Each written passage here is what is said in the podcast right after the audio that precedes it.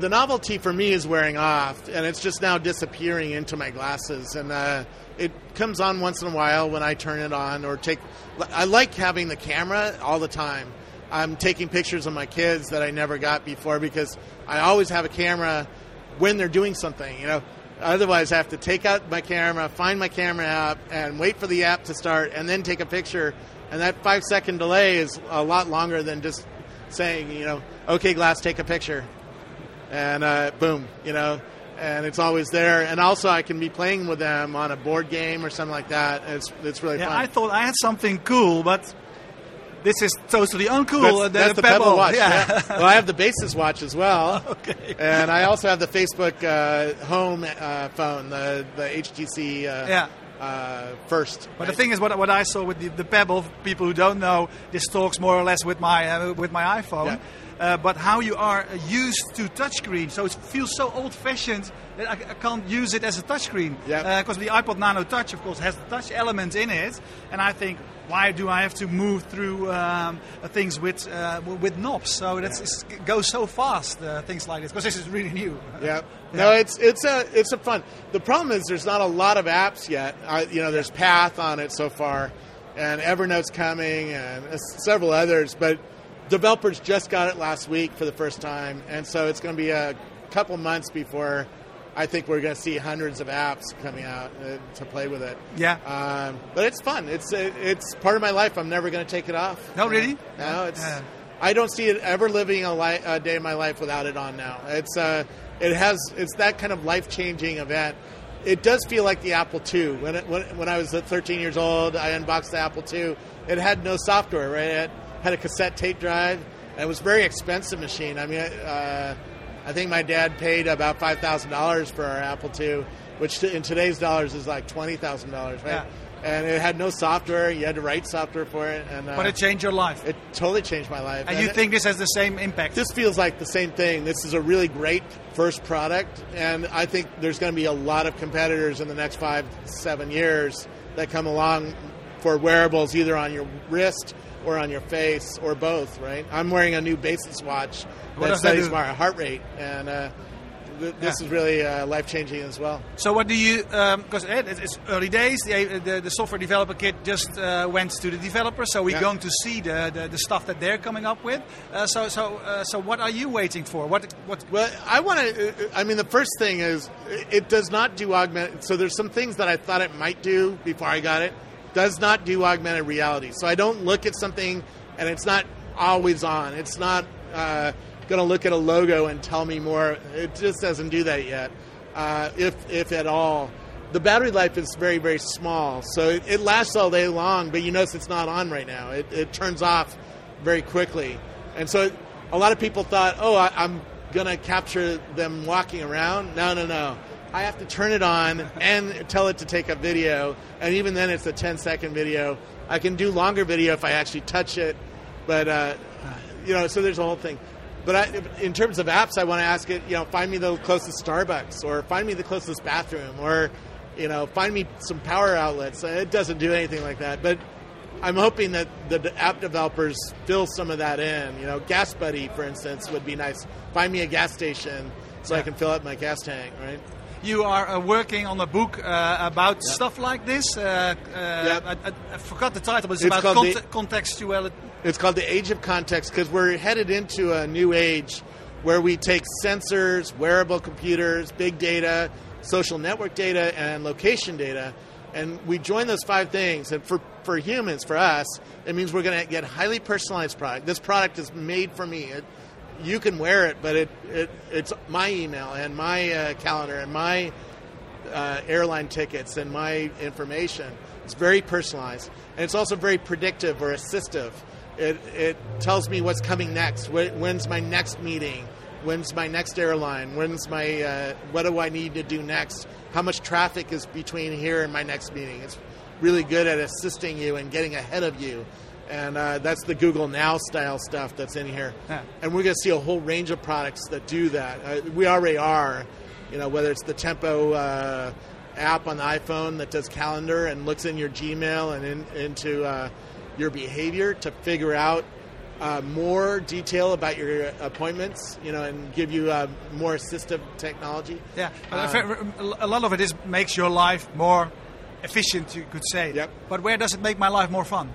Oh well, there's going to be games. Uh, Google's working on a game called Ingress, which is a game that you play by walking around, and people already are playing it on their smartphones. It's not yet on the Google Glass, but they're working on a Google Glass.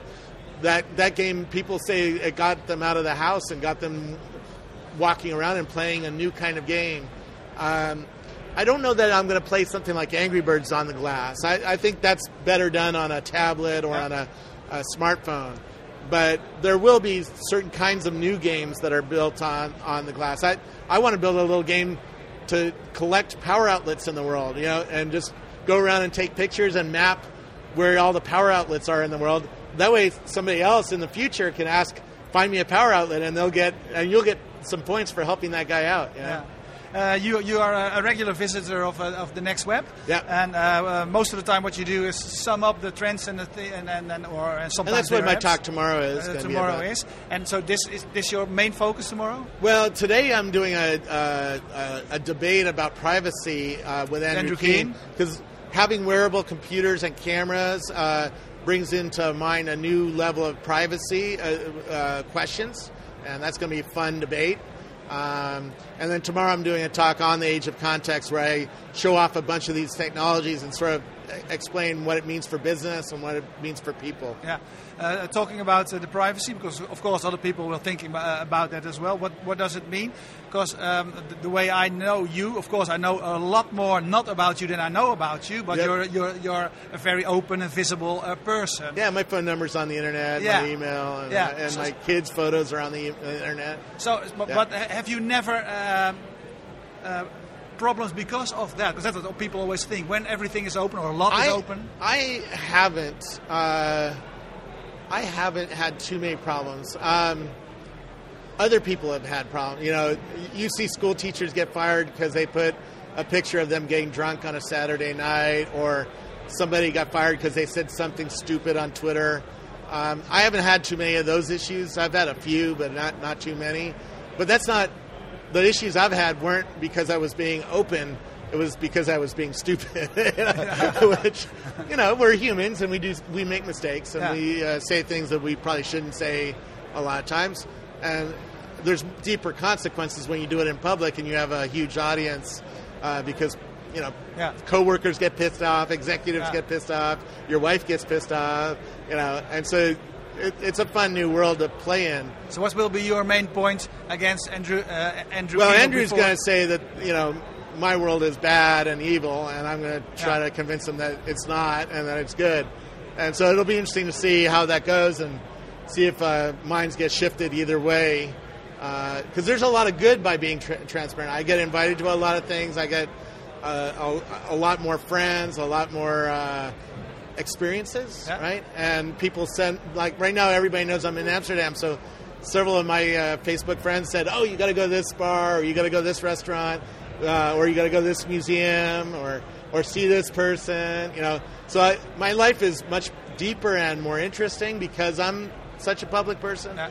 But I, you know, my, my wife's uh, my wife came from Iran, and uh, several of her relatives are totally uh, not willing to be on the internet because they were thrown in jail, uh, uh, you know, 20 years ago yeah. in Iran, and uh, they remember that the government can be used against them that way, and so they're very scared and very uh, skittish, and yeah. so there is a downside to this stuff. And, yeah. um, and it'll be interesting to talk about. Yeah, uh, there's a downside to every technology, actually. you know, cars, for instance, kill 30 30,000 plus people die in cars every year.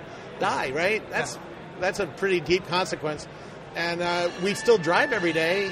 Um, you know, because we, we know there's bad and there's risk to it, but there's a lot of good. We want to go places and we want to go and experience life. And so we put up with the risk to get the good thing. Yeah, Robert, uh, you, uh, you have a, a, really special uh, job. You work for a company called uh, Rackspace, and yep. it's a company that helps uh, technology uh, startups and grown-ups, etc., to do their business better. We have 200,000 companies hosting cloud or they're business on us. And Yeah, but what I see you doing is, well, doing interviews with all cool, cool people, and we've been talking for 15 or 20 minutes. You haven't mentioned uh, the, uh, the company name, so how does that go? Uh, Why do I need to mention my company name? you I know where know. I work. Yeah. it's right on my on my Facebook profile, right? Uh, Uh, but you've got a really special job. part part of it is uh, it's a new.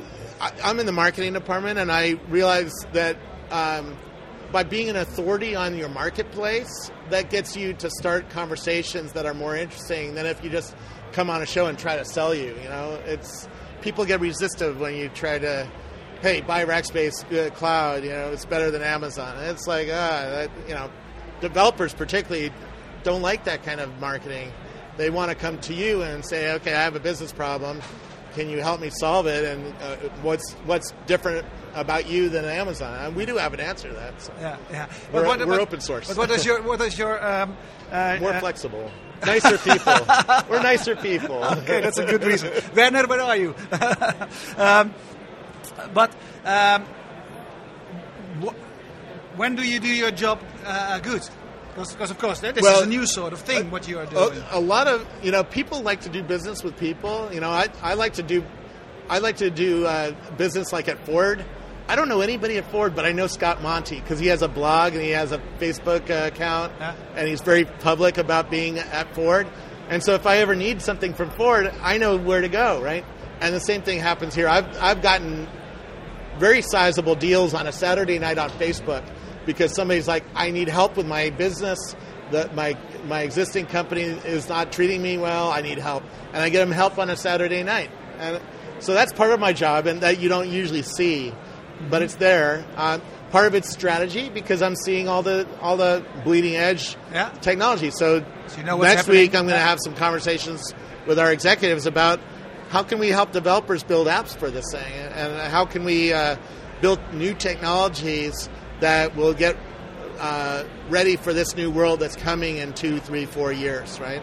And uh, that's strategy, right? That's the future. Yeah. Um, some of it's uh, about going on stage and being a public face of a company and just uh, being, you know, a nice guy and, Yeah. uh, and up to date and uh, doing marketing. And some of it's about being online and building media that helps people uh, understand that you're relevant and uh, open and transparent and up to date and uh, uh, part of the modern world, right? Because that's those are things that people think about when they think about uh, buying cloud cloud computing.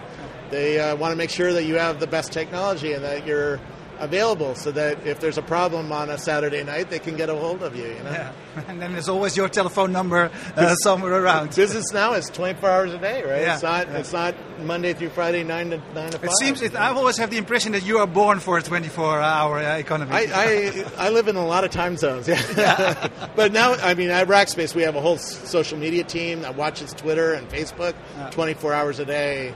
So, you know, that's the new business. If you don't do that, you're really uh, hamstringing your business because uh, people expect to get customer service on Twitter at 2 in the morning, Yeah. you know, 2 in the morning wherever they are, right? Yeah. Russia or Tokyo or, Yeah. you know, Israel or New York or San Francisco. It's a world. It's a worldwide business, right? So True. Thank you very much. Thank you. well, I have a lot of fun, and I've seen it uh, happening when you walk around. Uh, know, you attract, you attract the, the whole it's really audience. cool. It's uh, it, this is a really great product. I, Tim Tim O'Reilly says that he's gotten one, and he he said everybody laughs when they when they put it on. And in, in the taxi today uh, on on the way here. Uh, I let the driver try it, and he goes, "This is crazy," and, and I and he goes, "I want one," you know, and that's that's good news for Google, I think. True, that's a, that's that's a good product. It sells itself. Yeah, really. Thank you very much. Thank you for watching, and uh, we will be doing interviews uh, uh, for two days long. I want to thank uh, KeepGo.com. Uh, so uh, whenever you uh, travel and you want um, affordable uh, mobile internet, uh, well, go to them. And I want to thank Streamzilla because they made the stream possible today. Thank you very much.